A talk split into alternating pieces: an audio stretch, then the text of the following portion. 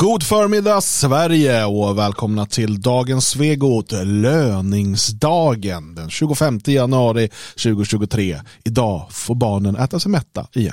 Ja, så ser vi fram emot att skattkistorna här på Svegot fylls till bredden med eh, det lilla ni får ha kvar när staten har tagit sitt fy. Imorgon drar ju Skatteverket 200, nej 152 000 Ja, från vårt skattekonto. just det.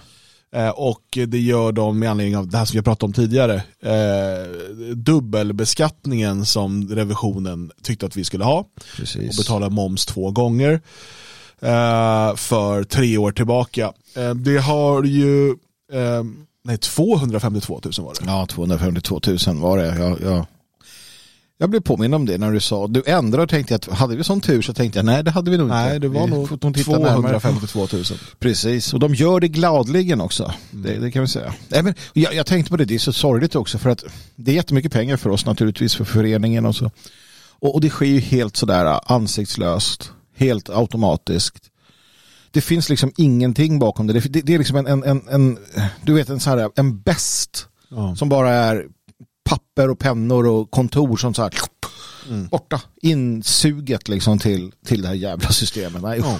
Nej, eh, vi har ju lyckats samla in ungefär 100 000 kronor eh, för att eh, täcka de här kostnaderna och vi kommer här i dagarna nu att gå ut och försöka få in mer pengar till den här insamlingen. Det vi har gjort är att dra ner på alla möjliga kostnader och så vidare för att eh, se till att vi inte hamnar i på obestånd. Mm.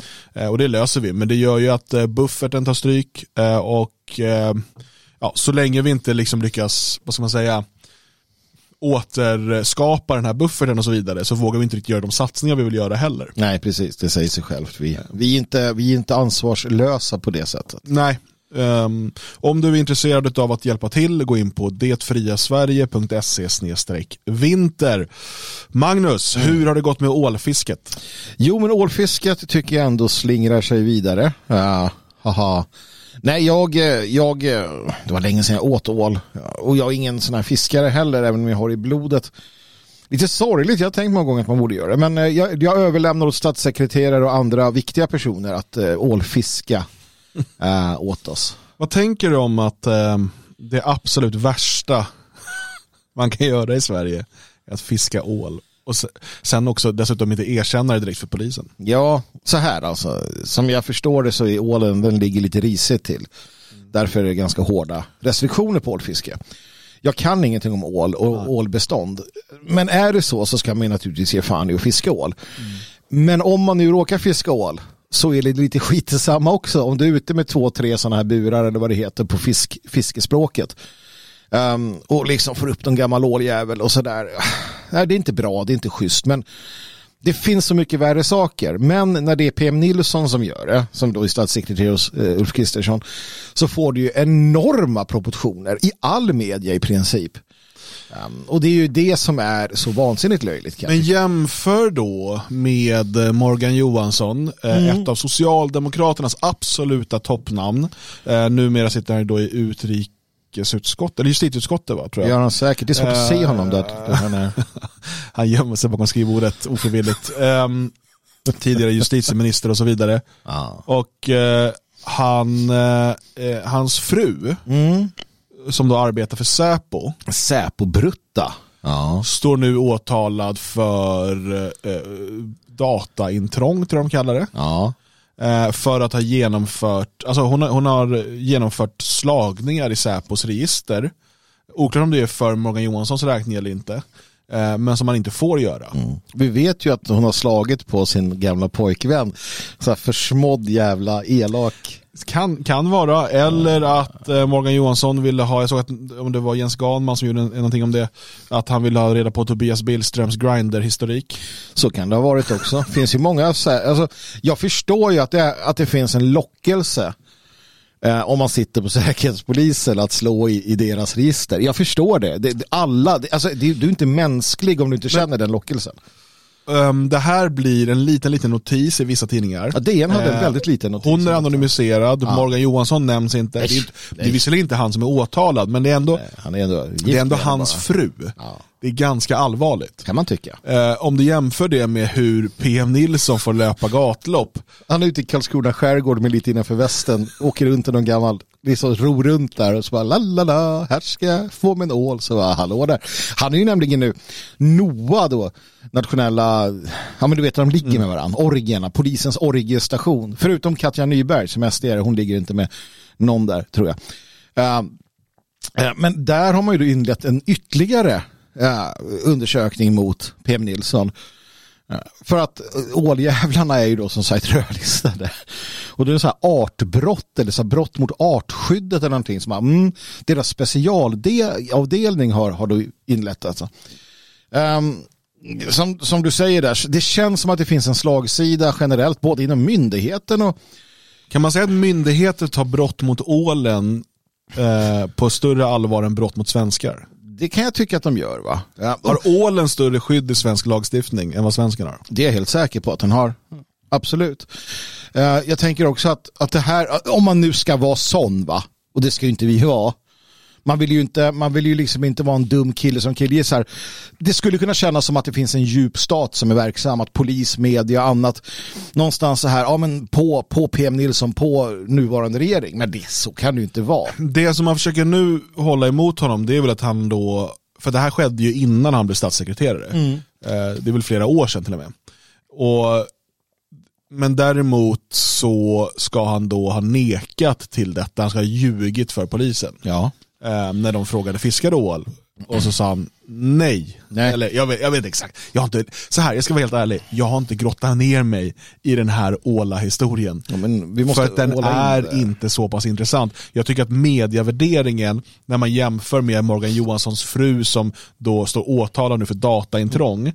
Jag tycker att medievärderingen mellan de här två är, är intressant. Den säger något. Jag läste en, en eh, bok skriven av en polis eh, som, som eh, skrev om förhörstekniker. En svensk polis alltså, så lite från ett svenskt perspektiv. Han skrev så här. Han inledde så här att du ska aldrig någonsin, oavsett om du är skyldig eller inte, erkänna för polis, underlätta för polis eller någonting.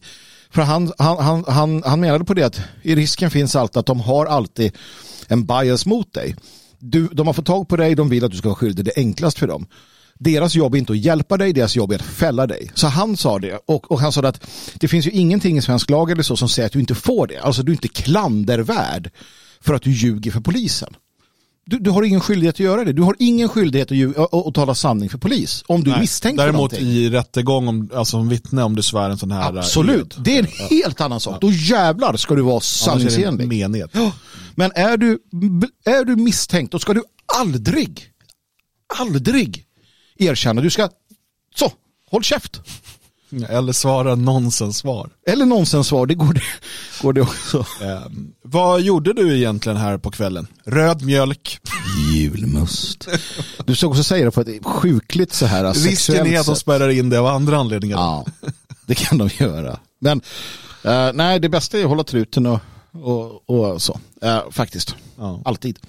Vi ska tala om, eh, och du, du var inne och tassade lite på det här. Åla där runt. Ja, eh, ålade runt bland vänstern. Ja, Vänstern von oben kallar vi det här avsnittet. Det vi. Och eh, det gör vi med anledning av en kulturartikel i den borgerliga högertidningen Svenska Dagbladet. Nåja, ska vi inte hålla på så vi spricker Men här. det här är ju en sån här typisk grej också som vänstern brukar säga så här, ja men media i Sverige är ju höger. Precis. och då brukar det vara så här, kolla, ja, DN är ju liberal, Expressen är liberal, eh, Svenska Dagbladet de är ju konservativa, Mariestadstidningen. liberal. Du har eh, hela stampen. Ja, men, och det är, så här, det är deras argument, så bara, AB. men vad är det som står i de här tidningarna? Ja. Det, alltså det är klart att eh, det ibland liksom sipprar ut en Ivar Arpi i Svenska Dagbladet. Jo, visst gör det det. Men, men Det är Ja. ju inte så ofta. om man säger då kultursidorna Mm. i eh, svenska eh, dags och kvällspressen Mm. kan ju knappast kan ju knappast beskyllas för att vara höger. Det är ju inte Ernst Junger som sitter där. Liksom. Nej, Alltså, det kan vi inte, ens, inte ens Ernst Kirchsteiger. Inte ens Ernst Kirchsteiger. Ingen Ernst överhuvudtaget. Nej, så, nej, för att kulturen är ju vänsterns liksom. Det är deras område, så att de besätter ju allt. Och därför var det intressant att läsa i Svenska Dagbladet Björn Werner eh, under rubriken Nu förstår jag varför unga män röstar höger. Mm. Det är fint att Och då tänker man så här, wow, här har han eh, satt sig och liksom verkligen försökt förstå. Mm. Eh, och det påstår han först att han har gjort då. Mm. Han eh, säger att i flera veckor har jag lyssnat på manligt kodade sam samtal. Här någonstans avslöjar han sin, liksom sitt avstamp. Ja, manligt kodad. Vad fan betyder det? Ja, men det är sådär, det, det, är en genusdiskurs att saker är manligt och kvinnligt kodade. Har vi För manligt det finns kodade? inte män och kvinnor, men vi kanske man, alltså vårt samtal är manligt kodat. Är mitt kön manligt kodat Ja. eller? Hur vet du Med, det? ibland är det kvinnlig koda på, men det ska vi inte prata om. Va? Gud vad äckligt Magnus. Jag vet, inte, det, jag vet inte, jag tycker Får vänta gick på din kanadensare, hon, hon kommer. kanadensiska. kanadensare. Du har inga bevis för att det där inte är en kanadensare. Han skriver, det finns en charm i att det får vara trevligt och kontroversiellt samtidigt. Problemet är den bristande ansvarskänslan. Och sen när man läser då den här kulturartikeln av eh, Björn Werner, eh, och, och så är det ju ganska tydligt eh, hur han ser att han sitter i det här elfenbenstornet och tittar ner på den dumma massan som inte förstår bättre. Han förstår att folk röstar höger för att de är dumma i huvudet och inte klarar av källkritik eller, eller sådär. De är inte lika duktiga som han på det. För han berättar ju eh, hur han gör när han, han lyssnar då på Navid Modiri, Aron Flam och Ivar Arpi. Eh, Det är ju högerextremisterna i sällskapet här. Ja, men de tillhör ju en typ av det, det här man kallar för lätthögern i USA, alltså alt-light.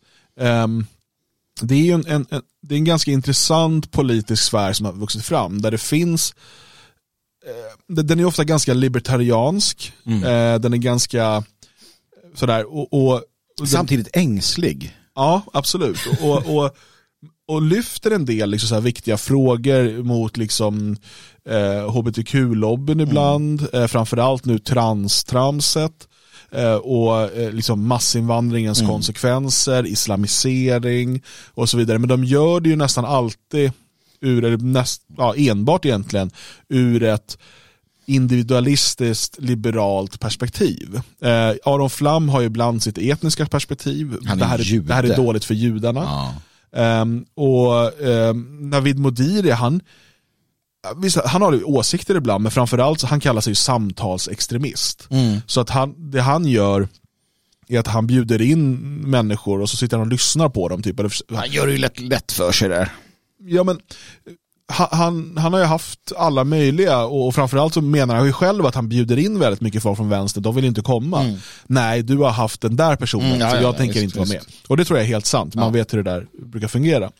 Ehm, och, och sen har vi då Ivar Arpi som är någon typ av liberalkonservativ någonting. Arpi är killen som springer 100 metersloppet och precis innan han ska gå i mål så stannar han och så Mm. springer han tillbaka. Och han gör så här i alla frågor hela tiden. Han ser, han förstår, han vet men han kan ju inte med att säga det. Nej, men, men det är de här tre som han har valt att Mm. lyssna på då. Och han jämför ju då eh, med eh, podden The, The Joe Rogan Experience. Just det. eh, som är världens största podcast. Än så länge, vi håller på här.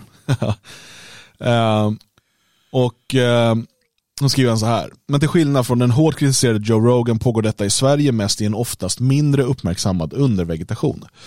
Även ouppmärksam- ouppmärksammad av mig får erkännas. Mitt poddschema är redan så fullt intecknat av seriösa kvalitetsproduktioner från stora redaktioner och trovärdiga avsändare. Det, Att jag har svårt att motivera varför jag ska lyssna på när Aron Flam pratar med Paolo Roberto. eh, Expressen, eller vad heter det? Jo, ledarpodden på typ Expo. Det är, ja. Ja. Men om man satte tonen med manligt kodade för hans liksom bias när det gäller Ja. vilket håll han lutar åt politiskt så sätter han ju här tonen för hur han eh, kommer se på de här människorna. Mm. För de skillnader som han lyssnar på det är alltså då eh, kvalitetsproduktioner, seriösa. trovärdiga avsändare, Mm. stora redaktioner, seriösa. Till skillnad då från de här. Ja, man, precis. ju- det, det är ju så Ja, självklart är det till skillnad. Han, han sätter ju det som en speglar här och, och konstaterar att det är så. Mm. Och så säger han att han har lyssnat och nu förstår han varför 70% av unga män röstar så pass höger som de gör. Eh, och så säger han här, strax under offentlighetens yta, finns nämligen ett tryggt safe space för alla killar. Som dirigeras med en tydlig högerton. En plats där ingen blir arg om någon säger att feminister har fel. Där det råder konsensus om att makten ljuger för oss och killgissningar hanteras som fakta. Som att hamna på en ganska störig AV. Han, han, eh, hade han, han, han, han, 70% av killarna vill ju skalla ner honom. Uh, bara när han säger sådär. Han förnedrar, förringar, förminskar och höjer sig själv till skyarna, denna jävla manstant. Uh, och, och då tror att hans 30% eller ja det blir 30, jag kan inte räkna. Uh, utav sådana som honom, det är på något sätt liksom, det är, det, det är eliten. Och det här, mm. det ligger ju i linje med hela den här uh, idén, ideologin han någonstans tillhör. Mm.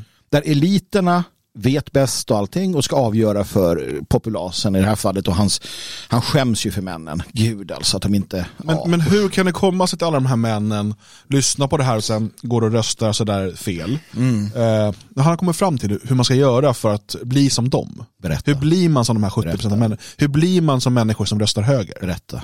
Jo, så här säger han. Ja. Väljer man att stänga av allt kritiskt tänkande och sluta ifrågasätta sanningshalten i det som sägs så blir det precis som på en AV också både småmysigt och ibland rätt intressant. Fan jag hoppas han tog mycket vaccin killen. jag bara hoppas det. Alltså, och det, att han drack DDT som liten för att få bort eh, någonting. För man ska, ah, kritiskt tänkande.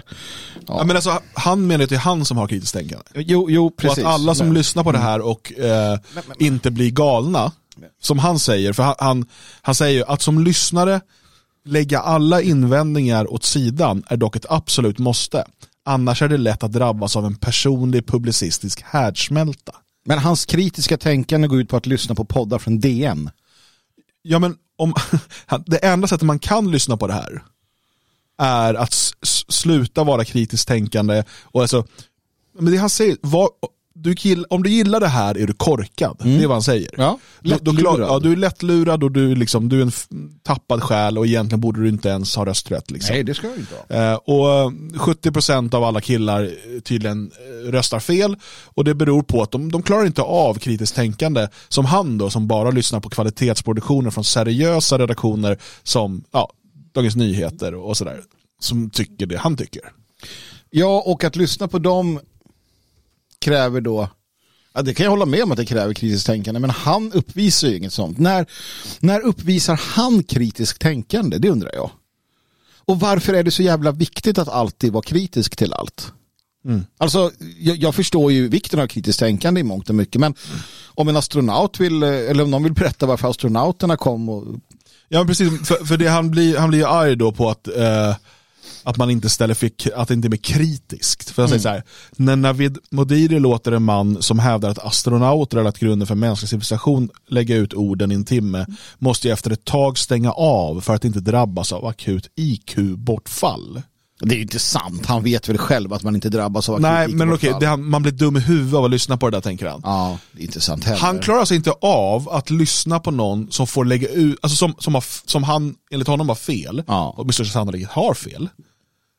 med största sannolikhet. Ja. Det var kosmonauterna, det var sovjetiska jo, kosmonauter. Det vet alla. Jag tror att det var euronauter. Ja. Hur som helst, att han klarar inte av att lyssna på en avvikande åsikt. Nej utan att känna att han blir dum i huvudet. Då måste han stänga av. Just det. Och här är det ju tillspetsat såklart. Men det ligger ju ändå i grunden, han, det finns ju ett, inte bara ett utan många korn av sanning i det han skriver. Det är ju så här han ser på det, det han uppfattar det en person med en avvikande åsikt som inte får kritiska frågor.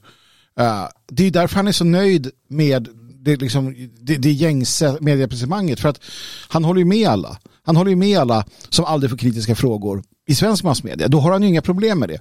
Medan vi då känner att varför i helvete sätter inte Holmberg och dem åt de här politikerna. Det tycker ju han, Werner, här är jättebra för att han håller ju med dem. Mm. Och då ska de, Greta Thunberg ska ju inte ha en kritisk fråga ställd mot sig.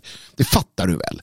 Mm. Uh, och det tycker ju Werner att hon inte ska naturligtvis. För då, då plågar man den stackars, eh, det stackars flickebarnet, kanske. Mm. Um, så, att, så att jag ser gärna att man är kritisk uh, till oss. Men, alltså, det är, Men ändå, det, det är trevligt med, med Ja. ja, och sen vad är det för program? Ja. Är det Uppdrag granskning? Nej. Nej.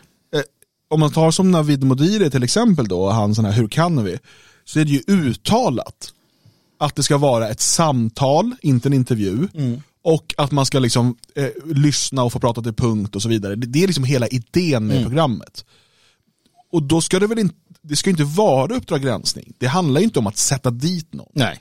Utan det handlar ju om att gen, hans idé, och jag vet inte om den är sann eller falsk, men hans idé är ju att genom att liksom, lyssna på alla olika sorters människors eh, berättelse och, och idéer och tankar och så vidare så får man själv mera input och utav det så kan man få en bättre bild av verkligheten och förstå varför människor agerar som de gör. Han, hade, ehm, han har haft liksom sådana här transmänniskor eh, och anti-könsbytarmänniskor och så, här. och så lyssnar han på dem och sådär. Och Det är klart att han inte är liksom helt neutral eller sådär, men, men det är ju idén. Och, men så ska det inte vara, för att varje då, han pratar att det ska vara en journalistisk produkt och det ska vara kritiskt.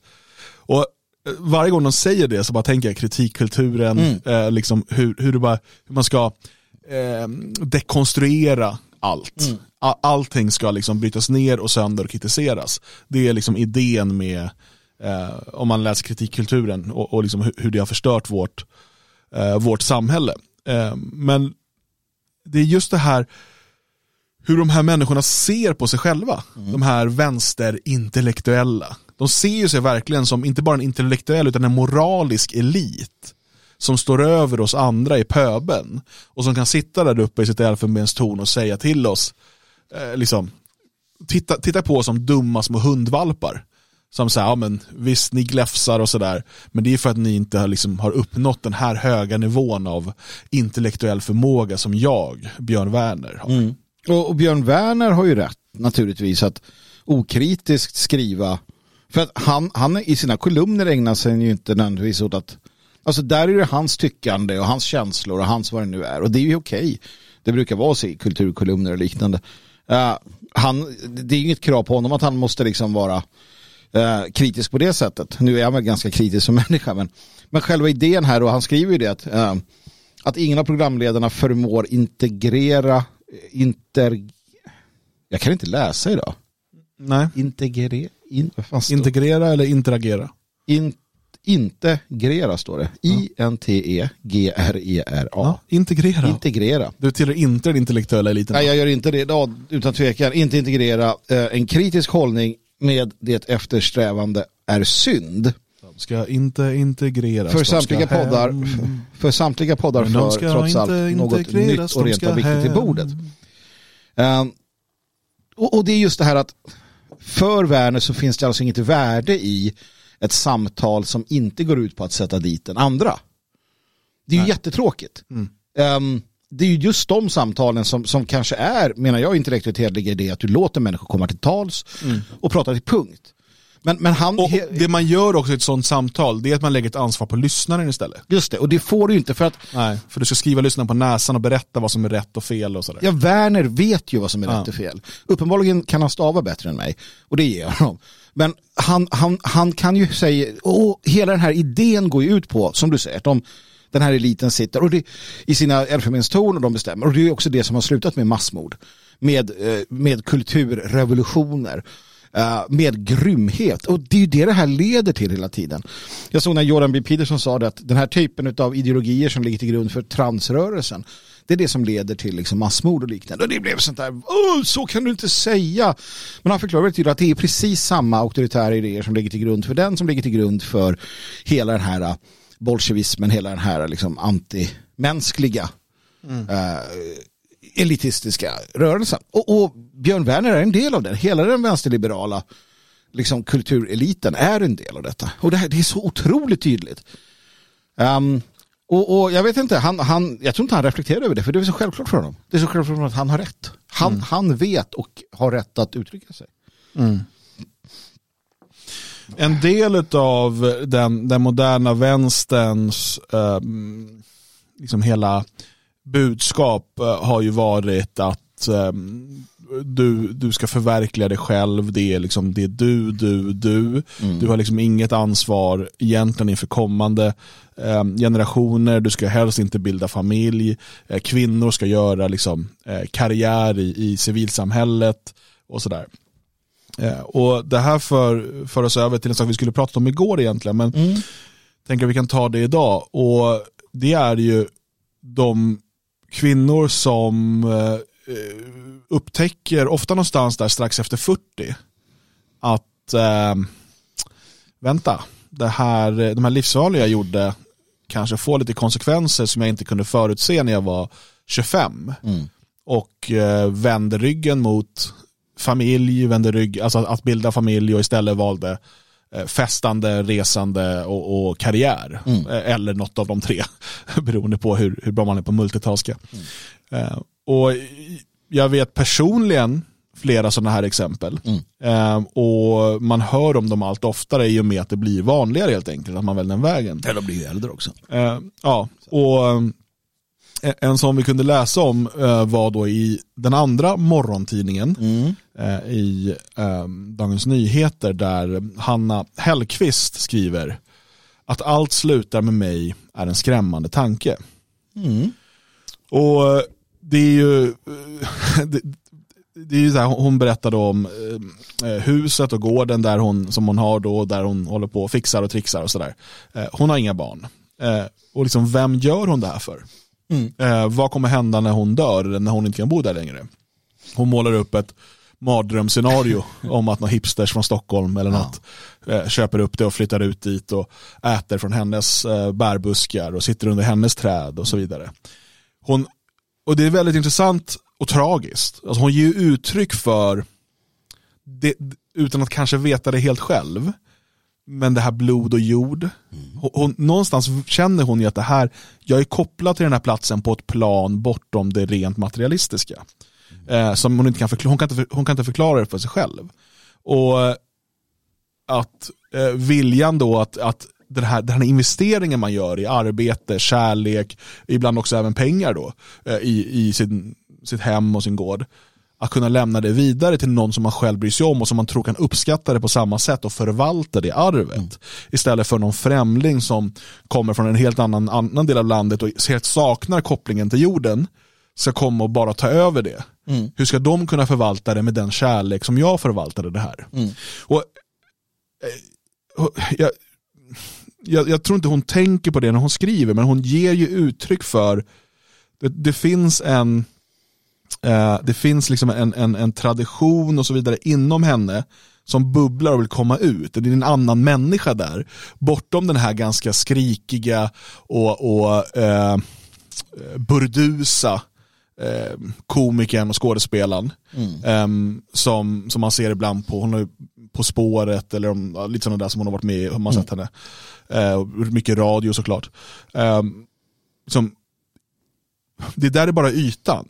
Men under den ytan finns ju liksom generna som har eh, liksom skickats vidare i, i, tusentals generationer och som bara väntar på att, att få spräcka den där ytan och få leva i enlighet med traditionen och, och det som är liksom det naturliga för oss. Så, eh, jag tror att den här, jag hoppas att den här texten kan vara lite av en tankeväckare hos en del unga tjejer som, som tänker gå samma väg, eller som har tänkt att gå samma väg som Hanna Hellqvist och, och inte skaffa barn utan göra vad hon har gjort istället. Då. Frågan för, ja, det här, hon skriver, det, jag vet inte hur självreflekterande hon kommer vara själv. Jag, jag, tänker att det här är skrivet för att lätta ett ångestanfall eh, ö, över just de här sakerna. Hon tänker på dem, sen går hon vidare och skriver annat om att hon inte vill vara en otrevlig kändis men hon orkar inte prata med folk och uh, vad det nu kan vara som hon mer skriver. Men, men som du säger så, och det är det intressanta, det är att det är ett det är ett nationalistiskt program som hon någonstans ger uttryck för. Mm. Uh, och det här visar också att hur vänsterbliven liberal en människa än blir så finns det där i dem. Det finns den här förståelsen. Och det här har hon ju kommit fram till helt själv. Och jag tycker ändå att det, det, det är intressant för hon vrider lite grann på det också. Det, det finns ett djup här. Hon, hon, hon resonerar kring det här att Eh, hon inte vill, som du säger, då vill eh, att, att hennes hem ska tas, alltså, ingen småbarnsfamilj från Stockholm ska flytta dit. Men så skriver hon ju också det här att, att kan man äga en skog, kan man äga en åker eller en sjö? Hon menar att det kan man inte, det, det, det, går liksom inte. Men ändå så inser hon att det kan inte förvaltas av människor som inte har en koppling dit. Och helt plötsligt så, så säger hon att hon förstår att, att, att man har en, en icke-materiell, icke-fysisk liksom koppling till platser och att de platserna förvaltas bäst av de människorna som har den. Och det finns bara någonting eh, som går att, alltså här kan vi då säga blod och jord. Stort tack för att du har lyssnat på första halvtimmen. Vill du höra hela programmet? Ja, då behöver du vara stödprenumerant och det blir du på svegot.se support. Då kan du höra eller se hela det här programmet i efterhand och självklart får du också tillgång till hela vårt arkiv.